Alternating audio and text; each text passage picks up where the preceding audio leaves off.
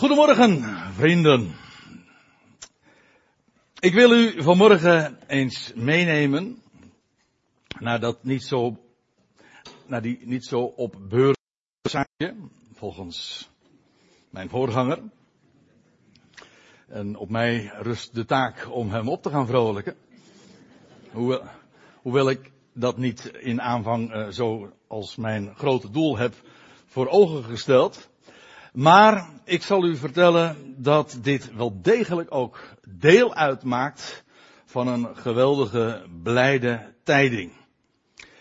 Mannelijk en vrouwelijk heb ik er als titel boven deze predikatie neergezet, zoals u hier ook ziet op het scherm. En dat is een onderwerp dat spannend is. Ik bedoel, er is een heleboel om te doen over dat seksenverschil. En iedereen herkent het, iedereen heeft er zoveel mee te maken, want ja, meer smaken zijn er niet. Je bent of mannelijk, of je bent vrouwelijk. Zo ben je ter wereld gekomen. Dat is je seksuele identiteit. En er is natuurlijk heel veel om te doen uh, in de maatschappij, trouwens in de, in de religie ook, in de kerk. En dan houdt men zich dikwijls ook vooral bezig met ethiek. Uh, wat mag wel, wat mag niet, hoe hoort het, hoe hoort het niet. En wat Paulus in dit gedeelte doet, is toch echt een paar spitten dieper gaan. En dat hij laat zien dat die begrippen mannelijk, vrouwelijk, alles te maken hebben met de verhouding schepper-schepping. Nou, dat wil ik u vanmorgen heel graag eens laten zien en ook wat de consequenties van dat inzicht, van dat besef is. En dan haak ik aan bij vers 20, hoewel het een beetje lastig is, want dat begint dan met want. Dat betekent dus dat er iets uitgelegd gaat worden wat in het voorgaande gezegd was. Maar dat is niet zo moeilijk om dat eventjes toe te lichten, want wat Paulus in het voorgaande had, naar, naar voren had gebracht, is dat iedereen kan weten dat er een God is, ondanks het feit dat God zich niet laat zien. Hij is de onzienlijke God, zo wordt hij ook genoemd. Maar het loutere feit dat hij deze schepping gemaakt heeft, getuigt van een schepper. Nou, dat is wat hij dan vanaf vers 20 naar voren brengt. En dat moeten we eerst eventjes wat voor het voetlicht brengen, voordat ik bij het eigenlijke van mannelijk en vrouwelijk kom.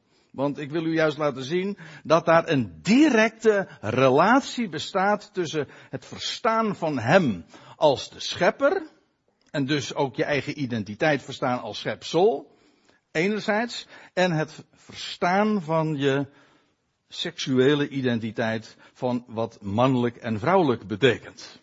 Want dat is hoogst onbekend.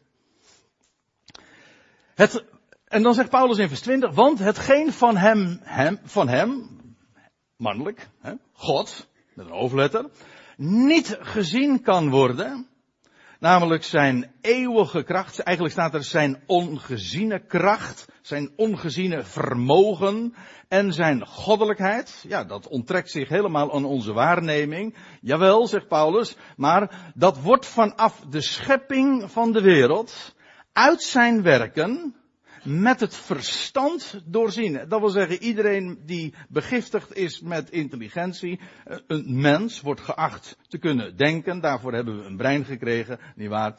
En normaal gesproken is het zo dat als je verstand hebt, dan begrijp je dat daar een schepper moet zijn. Dat heeft dan met een mooi woord, dat blijkt ook uit intelligent design. Dat wil zeggen, een heel intelligent ontwerp dat zich in alles van de schepping uit.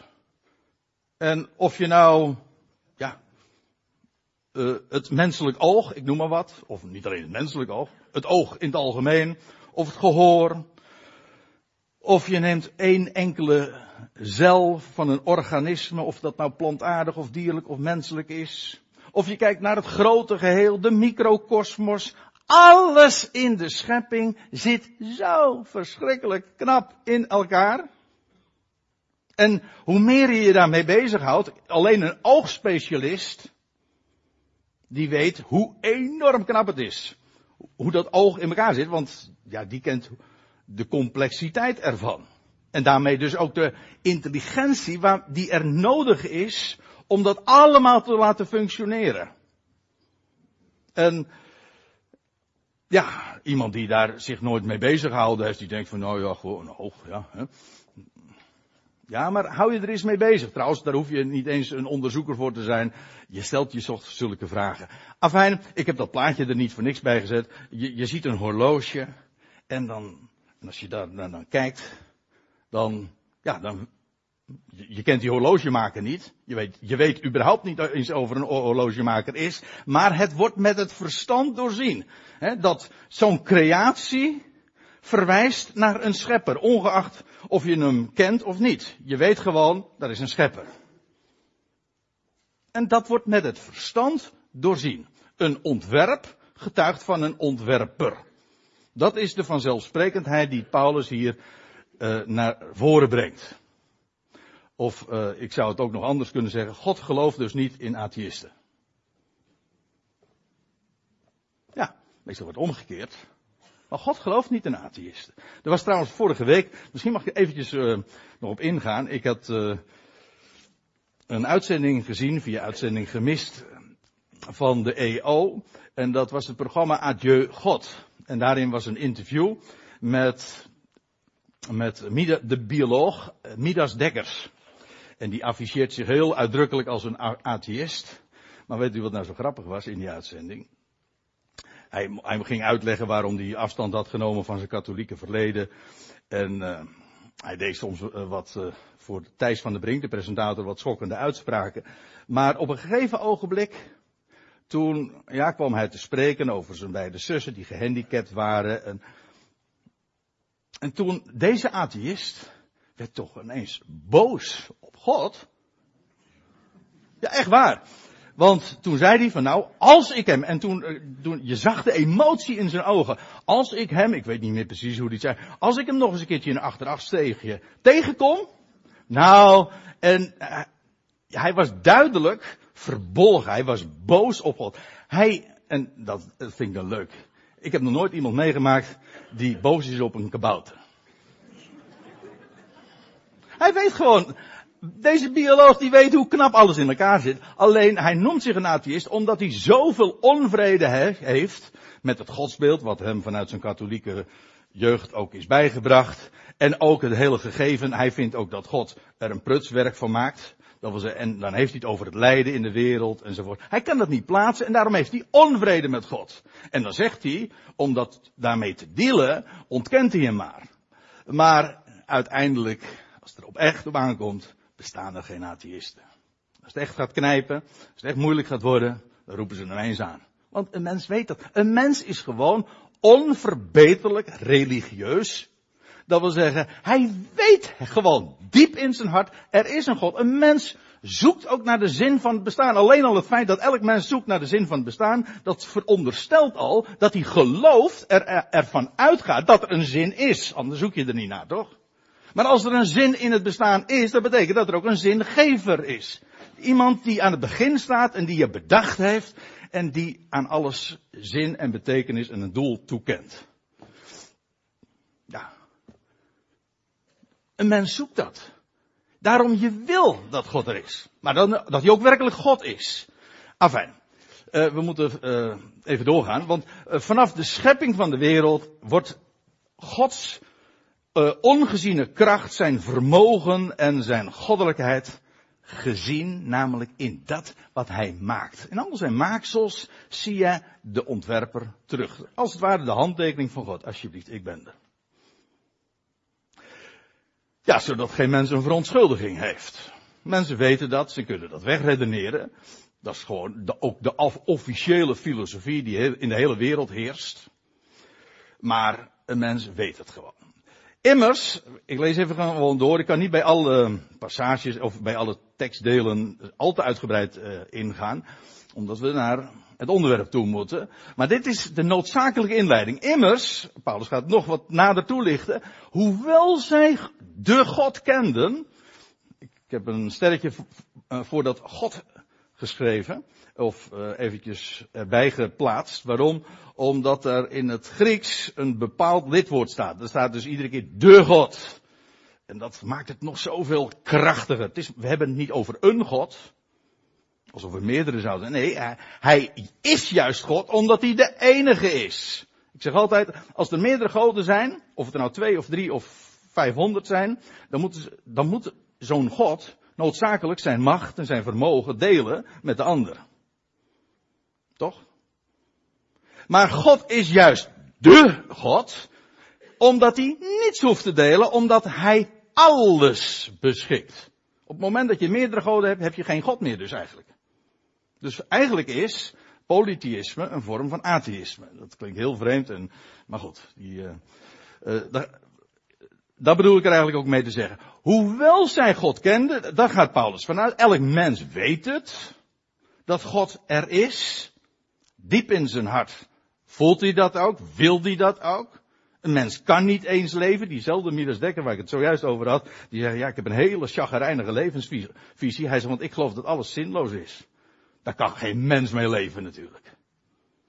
Je kan toch niet leven, je kan toch s morgens niet opstaan met de gedachte van, nou, het heeft helemaal geen enkele betekenis. Dat is echt deprimerend hoor. Dat is hem trouwens wel aan te zien ook, maar goed. Nou, dat zal die, trouwens, ik weet zeker dat als ik hem het eh, recht in zijn gezicht zou zeggen, dat hij het nog toe zou geven ook. Hij leeft in ieder geval in zekere zin nog consequent met zijn filosofie. Immers, hoewel zij God kenden, hebben ze hem niet als God verheerlijkt of gedankt. Dat wil zeggen, als, in het Grieks staat daar als theos. En dat woord, en dat hebben u hier vaker gehoord, dat betekent eigenlijk, dat is afgeleid van een werkwoord dat stellen of plaatsen betekent. En het idee is, God is degene die alles op zijn plek zet. Een plaats geeft. Hij is de beschikker. En het, het geweldige daarvan is dat alles wat plaatsvindt, ja, hoe vindt dat plaats? Omdat er een plaatser is. God geeft het een plaats. Dat wil niet zeggen dat alles wat gebeurt Gods wil is, maar hij geeft het een plek, een plaats. Hij is God. En God als God verheerlijken, dat wil dus zeggen, ja, wat dan moet je dus weten, wat betekent het dat hij God is? Wel, hij is de beschikker, of hij is degene die alles een plek geeft. Er gebeurt niets zonder dat het een doel of zijn doel dient. God, de Heere God heeft alles, staat er in spreuken, gemaakt voor zijn doel. Zelfs de goddeloze voor de dag des kwaads. Moet je dat kunnen rijmen? Moeten wij dat kunnen, moeten wij dat plaatsen? Hè? Mensen zeggen dat dan van, ja, ik moet het een plekje geven. Nou, begin er nou eens een keertje mee om God als God te erkennen. Dat wil zeggen, dan hoef jij het namelijk geen plekje meer te geven. Hij is het die het een plaats geeft. En er is niets wat zo helend is, wat zoveel vrede geeft, als te weten, degene die alles onder controle heeft, de grote regisseur, hij heeft het een plek gegeven. En al begrijp ik er helemaal geen snars van, laat ik het netjes zeggen. Zo wat? Ik ga niet over het geheel, ik ben God niet. Ik ben maar een piepklein schepseltje. Nou, hoewel ze God kenden, hebben ze niet. Dat is gewoon het algemene teneur in de wereld. Dat was in Paulus dagen zo. En ik zou zeggen, neem een kijkje gewoon in uh, Rotterdam anno 2016. Of waar dan ook. Dit is de wereld. Mensen kennen God nog wel, dikwijls. Zijn religieus, maar ze kennen niet de God. En vereren hem dus ook niet als degene die alles plaatst. En ja, daarmee geef je dus ook. Er staat bij, hoewel ze God kenden, hebben ze hem niet als God verheerlijkt of gedankt. Dat wil zeggen, omdat hij degene is die alles plaatst, krijgt hij dus ook en verdient hij ook alle credits. Voor alles wat plaatsvindt. Let op, voor alles wat plaatsvindt. Goed en kwaad. Ja, als hij God is, dan gaat hij dus over alles. Hij vergist zich niet.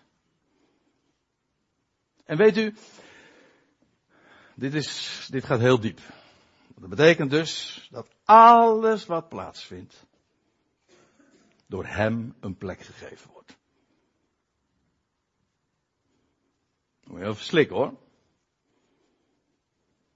En wij zijn helemaal niet eens in staat om dat te beoordelen. Kijk, wij zijn piepkleine schepseltjes, creatuurtjes.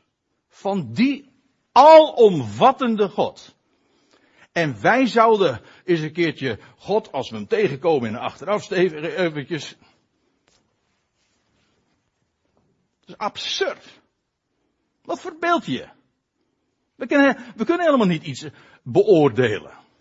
We weten nog niet eens of we straks leven deze zaal uitgaan. We weten, ja, ik, ik, moest even het manakken opbeuren vandaag.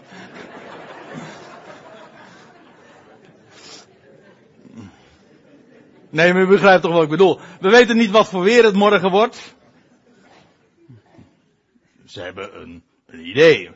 Had gisteren een gesprek met een, uh, grote ondernemer en die, uh, in de bloemenbranche en die zei van ja, goh, we hebben geen idee. Die uh, allemaal mensen met veel know-how, die had, die had gesproken over de ontwikkelingen, de trends in de branche en over hoe het over vijf jaar is. Hij zegt, geen mens weet het. Ik bedoel, wij weten helemaal niks. We doen wel alsof we veel weten. We weten eigenlijk We weten niet waar we vandaan komen. We weten niet waar we naartoe gaan. Tenminste, gewoon in het algemeen. En, en zo, we zijn gewoon kleine schepseltjes. En ja. En Gods werk is bovendien nog niet af. Dus hoe, hoe durven we Gods werk te beoordelen? Hebt u ooit wel eens een keertje een schilderij beoordeeld terwijl het nog uh, gemaakt werd? Of een muziekstuk waar net een paar noten neergezet zijn, terwijl de, de, de muzikant of de componist nog bezig is het te maken. En als u zegt, nou ik vind niks, dan zegt hij van, uh, ah, waar heb jij verstand van? Zou hij dan tegen mij zeggen. Of hij zou zeggen, als ik er wel verstand van heb, joh, ik ben nog lang niet klaar. Pas oordeel aan het eind. Het rijmt aan het eind, zeggen we dan. Niet daarvoor. Elk oordeel voordat het klaar is, is een vooroordeel. Dus hoe kunnen wij God beoordelen op, op, op wat er plaatsvindt? Hij, de grote regisseur, hij, weet wat hij doet. Het is nog niet af. God verdient de credits voor alles, goed en kwaad. En als je dat weet, hè, dan begrijp je, als je weet dat God God is, dan begrijp je ook dat hij zich niet vergist. Wij mensen vergissen ons, hij niet. Hij maakt geen fouten. En weet je wat het geweldige daarvan is? Dan heb je vreugde. Dan ga je hem danken, want dan kun je dan al de dingen die er plaatsvinden, goed en kwaad, komen uit zijn hand. Hij beschikt dat. Hij geeft het een plek. Al begrijp ik het niet, zo so wat. Hij begrijpt het. Hij maakt geen fouten. En dus dank je hem ervoor. Waarom? Hij is goed. Hij maakt geen fouten. En dan betekent dat dat het allemaal in goede handen is. En dan kun je hem danken. En weet je wat het mooie daarvan is? Of het, ook het geweldige gevolg daarvan is? Je krijgt blijdschap in je hart. Want dank, het woord, Griekse woord voor danken, dat is eucharis. Denk aan het woordje eucharistie. Maar daar zit het woordje charis in. En dat betekent, ja, genade, maar eigenlijk vreugde.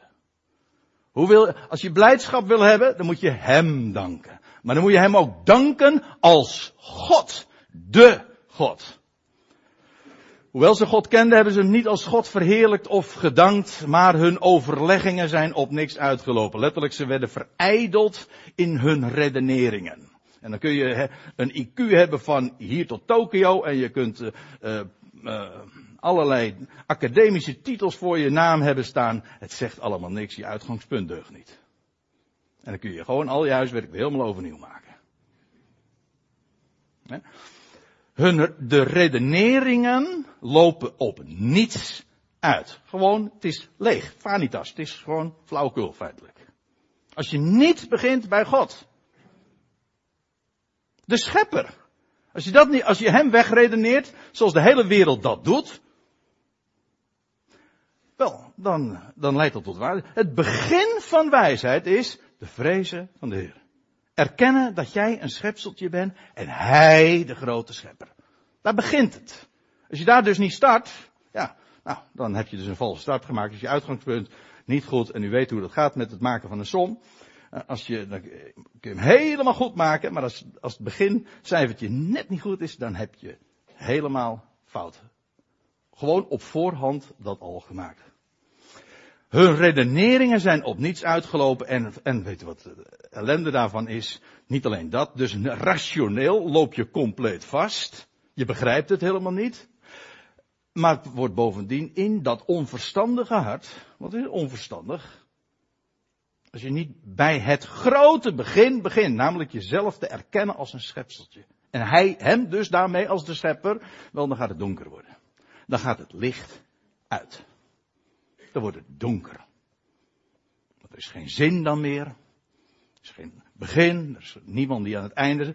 Of weer even de woorden van Midas Dekkers. Ja, ik ben nog met hem bezig vanmorgen. Maar hij zei van, nee, er is niemand die op ons past. Nou, ik denk, er is wel iemand die op ons past en die het geweldig onder controle heeft. Niet na te rekenen, als, dat is waar. Dat is allemaal tot je dienst. Maar hij past op ons. Hij heeft alles onder controle. En als je dat niet ziet, ja, dan wordt het donker.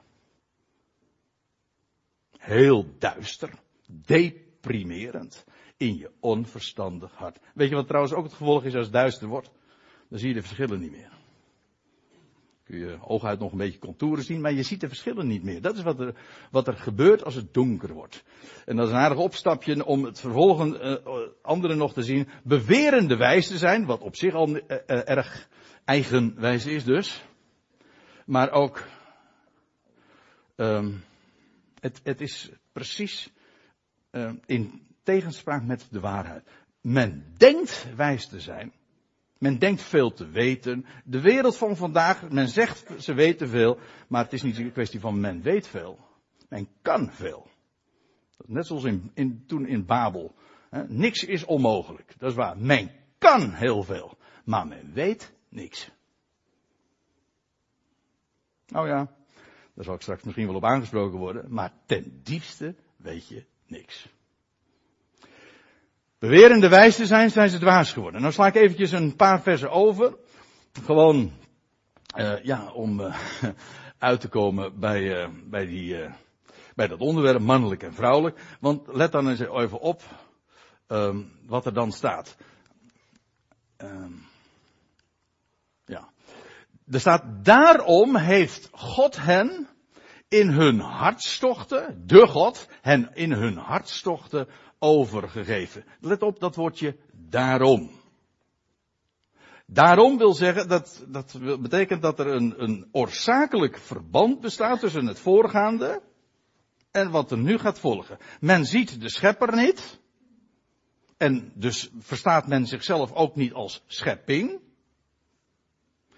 En het gevolg daarvan is, daarom heeft God hen, de God, de God hen in hun hartstochten overgegeven. Let trouwens op dat er staat in hun hartstochten. Dat is passief. Ik vind het belangrijk, want uh, de vertalers maken een uitgeleider in, in de navolgende versen. En ik heb trouwens ook gezien dat in andere vertalingen, vrijere vertalingen, ook hier niet het woordje in gebruikt wordt, maar aan. En je zou zeggen, wacht, wat doet dat ter zake? Nou, dat is een groot verschil. Het ene is namelijk, kijk, als God hen in, in hun hartstochten uh, uh, overgeeft of overlevert, dan laat hij hen gewoon begaan. Zo, het licht gaat uit en vervolgens, ja, wat er dan overblijft is hun eigen hartstochten. Met hem rekenen ze niet. En, en God laat hen daarin gaan. God doet daar niks tegen, hij protesteert niet, staat niet met spandoek of zo van de macht. Nee, ga je gang. Kom er maar achter. Dus dat is niet actief dat hij hun aan hun hartstochten overgeeft. Het is niet een handeling, het is juist het ontbreken van een handeling. Het is gewoon het laten begaan. Dat is het idee. Uh, daarom heeft God hen in hun hartstochten overgegeven aan onreinheid. Dat wil zeggen, uh, ja, het is zoals trouwens in het navolgende ook uitgelegd wordt, zodat bij hen het lichaam onteerd wordt. Het, wat er dan vervolgens uh, overblijft, is dat de mens niet meer clean denkt en ook niet meer clean handelt. Dat kan ook niet, want het lichaam, eigenlijk staat het in het meervoud, zodat de lichamen van hen onteren, uh, onteerd worden. Ja, dat is dan de gedachte. En weet u, als het moment op het moment dat God niet meer gekend wordt als de God, Ja, wat, wat ben jij dan als mens? Nou, uiteindelijk niks anders dan een dier. Dat is trouwens ook de officiële filosofie hoor. Die gewoon op de universiteiten wordt onderwezen. Wij zijn gewoon beesten. En dat is daarmee dus feitelijk, dat is je identiteit. We zijn eigenlijk veredelde apen. We zijn beesten, we zijn dieren. Ja, dat is een ontering. En dat is trouwens ook een legitimatie, dat wil zeggen, het is feitelijk ook een goedkeuring voor uh, ja, alle onreinheid en gewoon om uh, je uit te leven. Want geen God, geen meester, dat zei ze bij de Franse revolutie ooit al. Dat wil zeggen, wie zou, wie zou dan de dingen bepalen? Het is toch allemaal zinloos. En je doet maar wat je doet. Maar dat betekent gewoon dat een mens ook met recht beestachtig wordt. Niet een dier, want daar is niks mis mee. Ik bedoel, een dier is een dier. Hè? Maar op het moment dat je je verlaagt, dan wordt het beestachtig. Nou, dat is wat de mens wordt. Als het licht uitgaat, als God niet meer als de God gekend, verheerlijkt en gedankt wordt, dan wordt het duister. Ja, en het gevolg is onder andere ook dit. Immers, staat er, zij immers hadden de waarheid Gods, eigenlijk staat hier ook weer de waarheid van de God. Het gaat er dus niet om dat ze niet meer religieus zijn, want er zijn velen religieus. Hè, wel in iets hogers, maar niet de God kennen. Dat wil zeggen, God als God verheerlijken en danken. Nou, als je die waarheid vervangt, ja, en als je de waarheid vervangt, wat hou je dan over? Leugen. En het schepsel, staat bij, ze hebben immers de, wa de waarheid van de God vervangen. Let op dat woord vervangen, want dat speelt een hoofdrol in deze verse. Door de leugen. En het schepsel vereerd en gediend boven, of eigenlijk staat er naast de schepper die te prijzen is. Uh, let trouwens even hierop. Het schepsel, dat is het schepsel of de schepping, dat is vrouwelijk. Gewoon, het woord hier is een vrouwelijk woord. Zoals God een mannelijk woord is. God is hij. De feministische theologen zijn het er helemaal niet mee eens wat ik nu zeg. Maar we luisteren naar Paulus. Hè? We luisteren naar wat de schrift staat. Het is gewoon zo evident. God is een vader. Dat is niet zomaar. Wij noemen God niet vader, zo wordt het wel eens voorgesteld. Ja, wij, wij, wij noemen God vader, omdat wij, ja, wij kennen het begrip vaderschap. En, en als metafoor projecteren we dat op God. Dan keer je precies de boel om. Weet u dat? Er staat letterlijk zo, dat, eh, dat zegt Paulus in de Efezebrief, in Efeze 3 vers 14 geloof ik. Dan zegt hij, ik buig mijn knieën voor de Vader, naar wie elk vaderschap in hemel en op aarde genoemd wordt. Letterlijk staat er naar wie elk vaderschap genoemd wordt. Dat wil zeggen, ons vaderschap, wat wij hier kennen, is een projectie van het echte vaderschap. Hij is de vader en dat wat wij hier kennen als vaderschap, dat is daar een beeld van. Dus het is niet omgekeerd. Ook daarin moet je de verhoudingen wel even in, de gaten houden. Het schepsel is vrouwelijk. Dus voor ons al niet vanzelfsprekend meer. Wij, dat, wij denken wijs te zijn, maar dat weten we niet meer. Wij weten geen, hebben geen idee meer van mannelijk en vrouwelijk en waar het van spreekt. En dat God, de schepper, mannelijk is. De vader. Ik kom er straks nog wat uitgebreider op terug. Maar nu even dit. Het, het schepsel is vrouwelijk, dat is in de Bijbel ook zo. De Bijbel zegt ook, de schepping is aan de, aan de ijdelheid onderworpen, maar er staat er ook, ze is in barensnood. Dat wil zeggen, ze is in verwachting. Ja, ja, is vrouwelijk. Dat is heel bazaal. Als je dat, als je dat verschil niet meer ziet, dan staat er, ja, en dan, dan blijft de leugen over en het schepsel wordt dan vereerd en gediend. Dat wil zeggen, dat wordt eerbiedig vereerd, godsdienstig. Boven de schepper, letterlijk naast de schepper. En de schepper, ja, dat is, het is niet de schepster, de schepper. Het is mannelijk. Hij is, hij is de schepper. Hij is God. En dat is belangrijk. Ja, Paulus, hij onderbreekt het nog even met een lofprijzing. Want als je het hebt over de God, ja, dan hebben we het echt over de grote, ja, het begin, het einde, degene die alles beschikt. Hij is de prijzen tot in de Ionen. En Paulus zegt, amen. Dat is de waarheid. In feite de enige waarheid. En al het andere, dat zijn allemaal voetnootjes nog. Maar dit is de waarheid. Hij is de God. Je het kent, als je dat weet, dan weet je alles. In principe weet je dan, en ook meer dan genoeg. Dan zijn je redeneringen zuiver. Dan geef je hem de credits, de eer. Dan is er hier dank. En daarmee ook vreugde. Dan ga je stralen, want dat is het ook, hè, als het donker wordt, dan, dan straal je niet meer. Dat is het punt. Het is zo essentieel. En daarom, hij is de prijzen tot in de Ionen. Niet de eeuwigheid, maar de, de Ionen. Die wereldtijdperken die nog gaan komen. En dan zegt Paulus ook hier. Opnieuw, daarom. Weer dat oorzakelijk verband. Heeft God hen overgegeven aan schandelijke lusten. En dat waren natuurlijk die versen die niet zo opbeurend waren. Waar we het, uh, waar zojuist uh, Evert het ook nog over had. Maar even dit nog. Het is een oorzakelijk verband. Kijk, je leest in Genesis 1 vers 27. Dan praten we over het eerste Bijbelhoofdstuk. Dan lees je, God schiep de mens naar zijn beeld. En wie zijn beeld is, ja, dat moet u maar eens in het Nieuw Testament lezen. Wie het beeld is van de onzienlijke God. Dat is Christus, hè? De zoon van Gods liefde. Hij is beeld. En God had hem voor ogen toen hij ooit Adam schiep. Dus feitelijk, wie was er nou eerder? Hm? God schiep de mens naar zijn beeld. Naar Gods beeld schiep hij hem, staat er dan. Mannelijk en vrouwelijk schiep hij hen. Met een N. De man is een beeld, of is niet, nee, Christus is het beeld Gods, maar de man werd geschapen naar Gods beeld. En vervolgens de mens, de mens is mannelijk en vrouwelijk, heel de natuur, heel de leven natuur eh, is, ja, zit met dat onderscheid. Overal zien we dat fenomeen. Seksualiteit. Maar de, de, man werd geschapen naar Gods beeld. En Paulus uh, in 1 Korinthe 11 gaat daar nog op in. Hij, zegt hij dan, de man, heeft het beeld en de heerlijkheid Gods. Maar de vrouw is de heerlijkheid van de man. Ja, ja, ik zeg een heleboel dingen. Vanmorgen realiseer ik me nu, uh, die je natuurlijk in het blad opzij niet zult aantreffen. En bij het VOC ook niet. Maar we hebben het nu over bijbelse waarheden.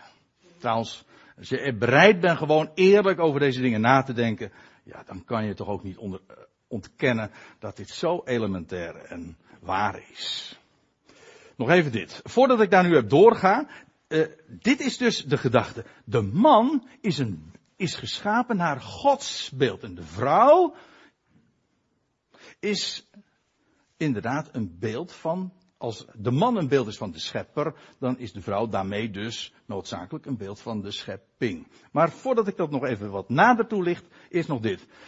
Die lastige versen dan, hè, zeggen ze dan.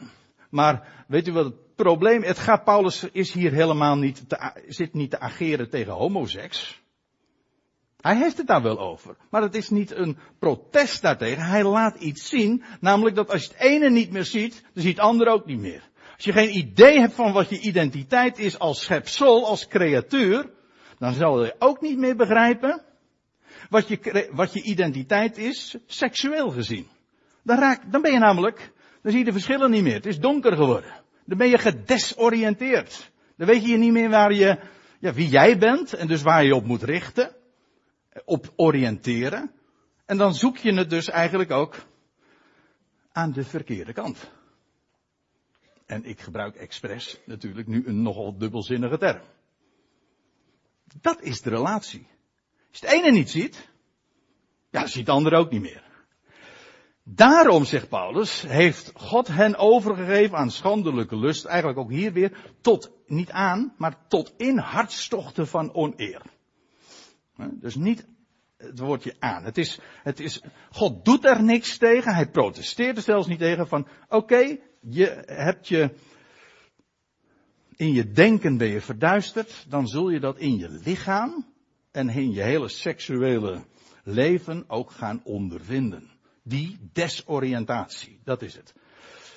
Want, zegt Paulus dan, hun vrouwen, eigenlijk staat er hun vrouwelijken, de nadruk ligt dus juist op de seksuele identiteit. Hun vrouwelijken hebben de natuurlijke omgang, het natuurlijke gebruik, vervangen door de tegennatuurlijke. Letterlijk staat er uh, naast natuurlijk.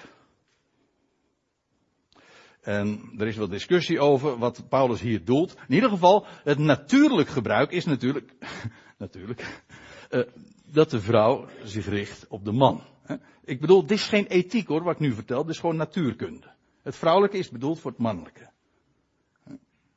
Het is gewoon biologie. Anatomisch zit dat zo in elkaar dat het een bestemd is voor het ander. Net zo goed als vice versa.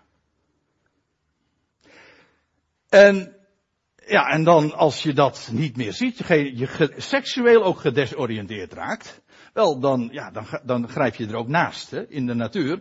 En er is wel veel voor te zeggen dat Paulus hier doelt op wat bijvoorbeeld ook in Leviticus genoemd wordt, bestialiteit. En dat, dat betekent gewoon uh, seks met dieren. Dat Paulus daarop doelt. Ik ga dat nu verder niet op in. Andere mensen denken hier gewoon aan dat vrouwen met vrouwen. Dus uh, uh, lesbiennes. Het is trouwens nog maar de vraag. Want het gaat juist over seksuele gemeenschap. Maar dat is nu eenmaal niet mogelijk tussen vrouwen en vrouwen.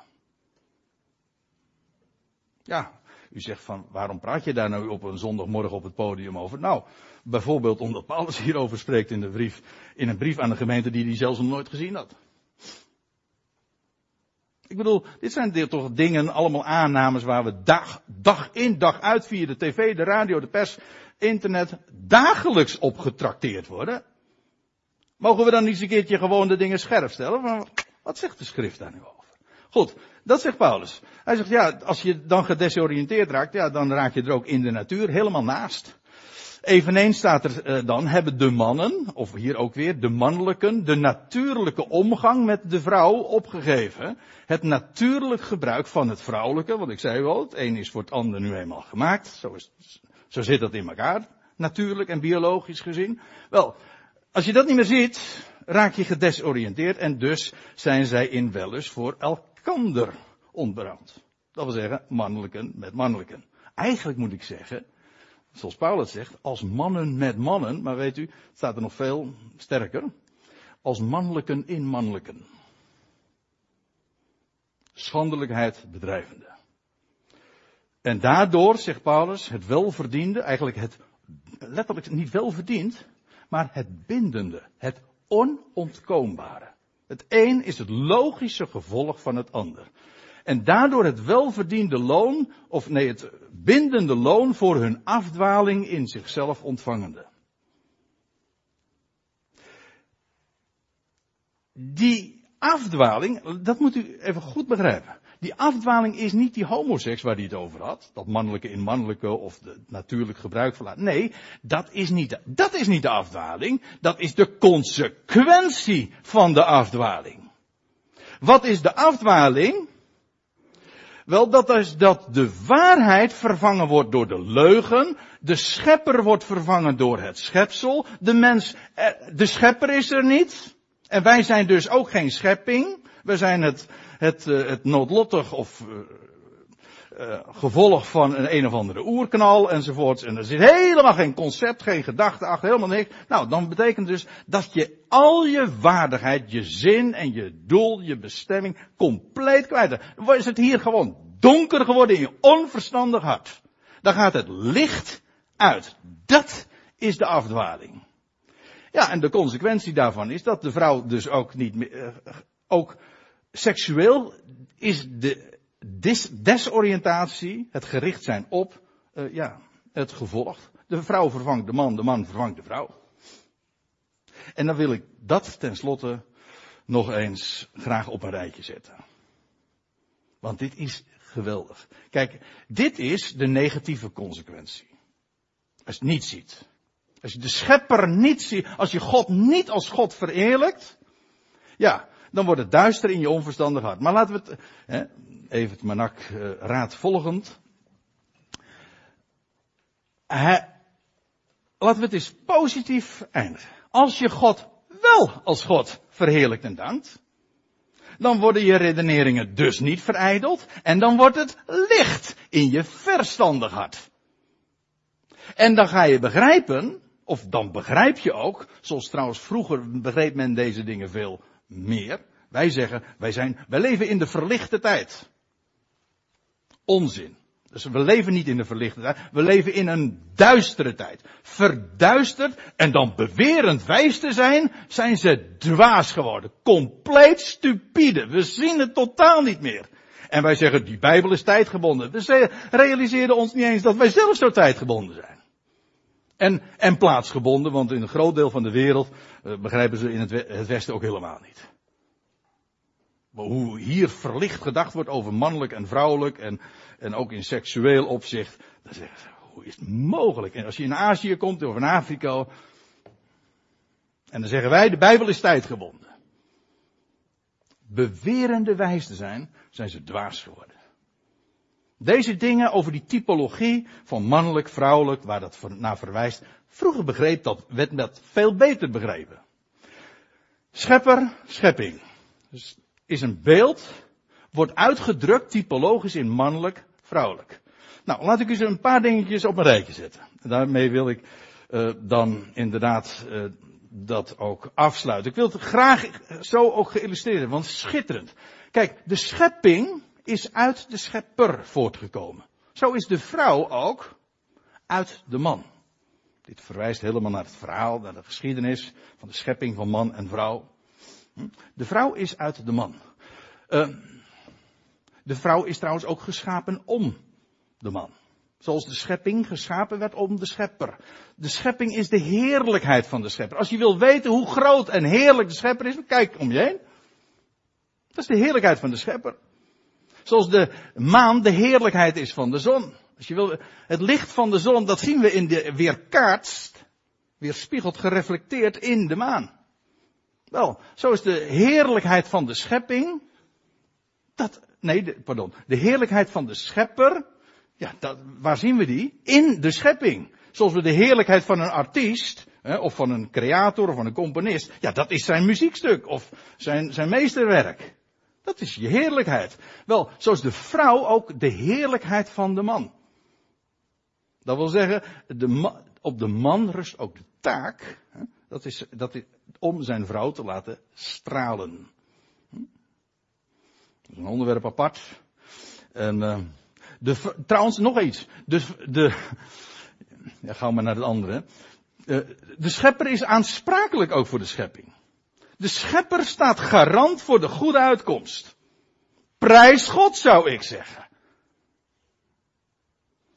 Zo is trouwens de man ook aansprakelijk voor de vrouw. Zo was het al in de hof ooit.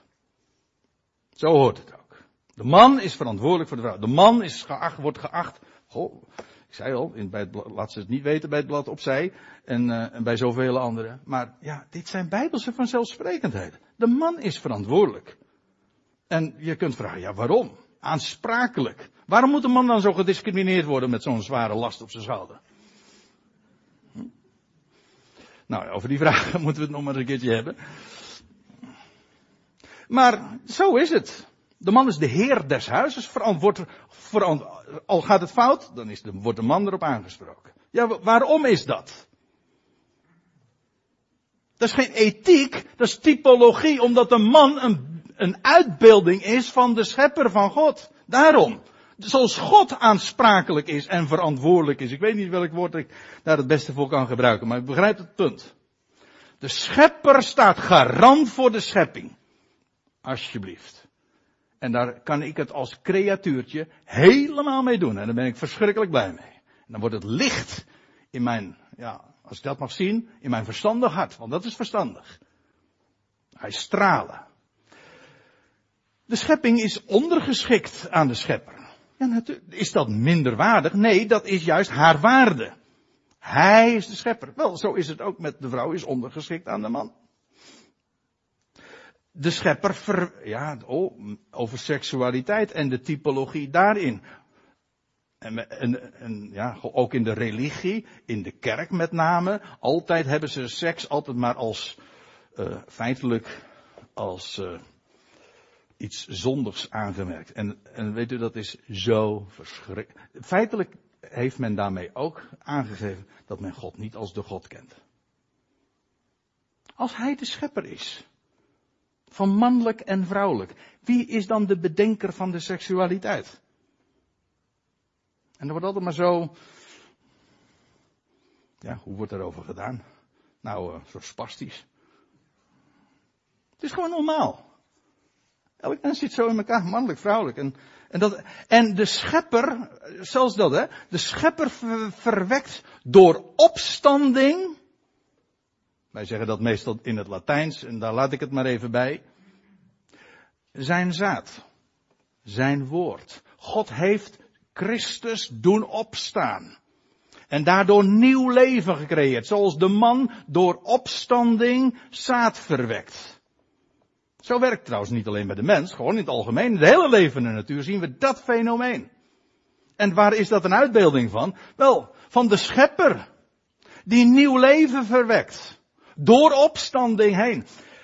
En daardoor, de, schepper is, de schepping is nu in blijde verwachting. Ik, ik zinspeelde daar even, eerder al even aan op uh, Romeinen 8, dat is acht hoofdstukken later, dat Paulus daar dan eigenlijk op voortbeduurt. Hij zegt, de schepping is in, ja, in barensnood, maar ook in blijde verwachting. De schepping vervult de rol van een moeder. Ze heeft namelijk zaad, Gods woord ontvangen. En daardoor is er leven en daardoor is in blijde verwachting. zoals een vrouw zwanger wordt. En dat brengt lijden met zich mee, maar dat is het goddelijke wetmatigheid. Door lijden heen tot heerlijkheid. Er is geen ontkomen aan. En dat betekent dus ook, en dat is het eindpunt, en dat is het laatste wat ik wil zeggen. En dat lijkt me toch een heel hoopvol einde, broeder Manak. De schepping wacht op de verlossing. Dat is een heel dubbelzinnig woord, verlossing natuurlijk.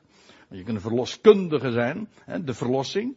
Het eindpunt van de blijde verwachting van de, van de zwangerschap. Wel, dat is precies wat er gebeurt. De schepper heeft nieuw leven verwekt in deze, in deze schepping. En het wachten is op de, op het grote moment, de verlossing.